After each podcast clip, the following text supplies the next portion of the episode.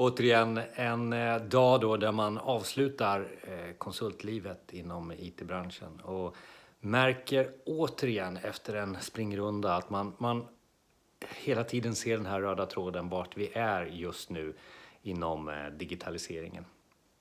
Det är ju så att jag håller på och förbereder olika föredrag om till exempel verktyg. Verktyg är fortfarande väldigt, väldigt relevant för våra IT-avdelningar. Men är det relevant verkligen för verksamheten?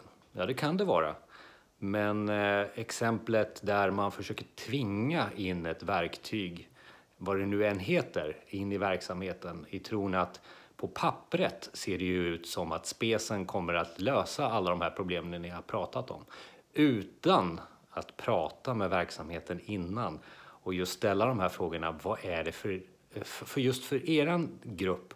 Eh, vad är det som är viktigast? Och då kan det vara till och med en avdelning. Det kan vara ett projekt eller det kan vara en intressegrupp. Allt det här är frågor som man måste ställa innan man börjar börja med själva verktyget. Väldigt populärt till exempel med Office 365 där Microsoft som tillverkar det här lägger på ett antal applikationer eh, varje månad känns det som. Och, eller uppgradera de eh, olika verktygen som finns där i floran. Och direkt så tycker man ja det där ska vi testa, det där ska vi testa.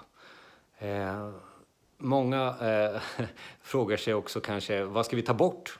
Eller det kanske inte är så många som frågar sig vad vi ska ta bort.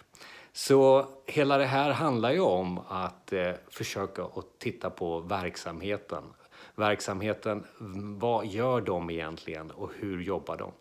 Traditionellt, jag har pratat om det här i min egen podd och även i podden Effekten ett antal gånger, det här med effektstyrning. Få verkligen ut det viktigaste, för det är inte verktyget som löser problematiken längre utan det är eh, själva verksamheten som krav deras krav på effekt helt enkelt. Vad är det för någonting vi ska lösa?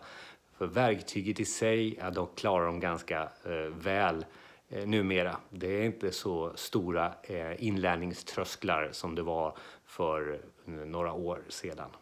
Så uppmaningen är att eh, titta till verksamheten, avsluta allt det här som har med verktyg att göra.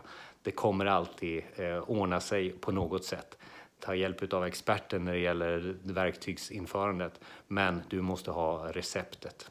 Det är ungefär som att säga så här att vi ska bygga ett eh, kök och vi har massor med kök att välja mellan.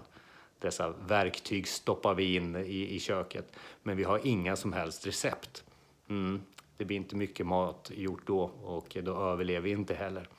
Så det är väl uppmaningen eh, ifrån min sida, just det här med att kolla på verksamheten. Det finns mer om det här på min hemsida jonasjani.se. Jag bloggar om det både verktygsmässigt faktiskt och även organisationsmässigt, vad verksamheter behöver.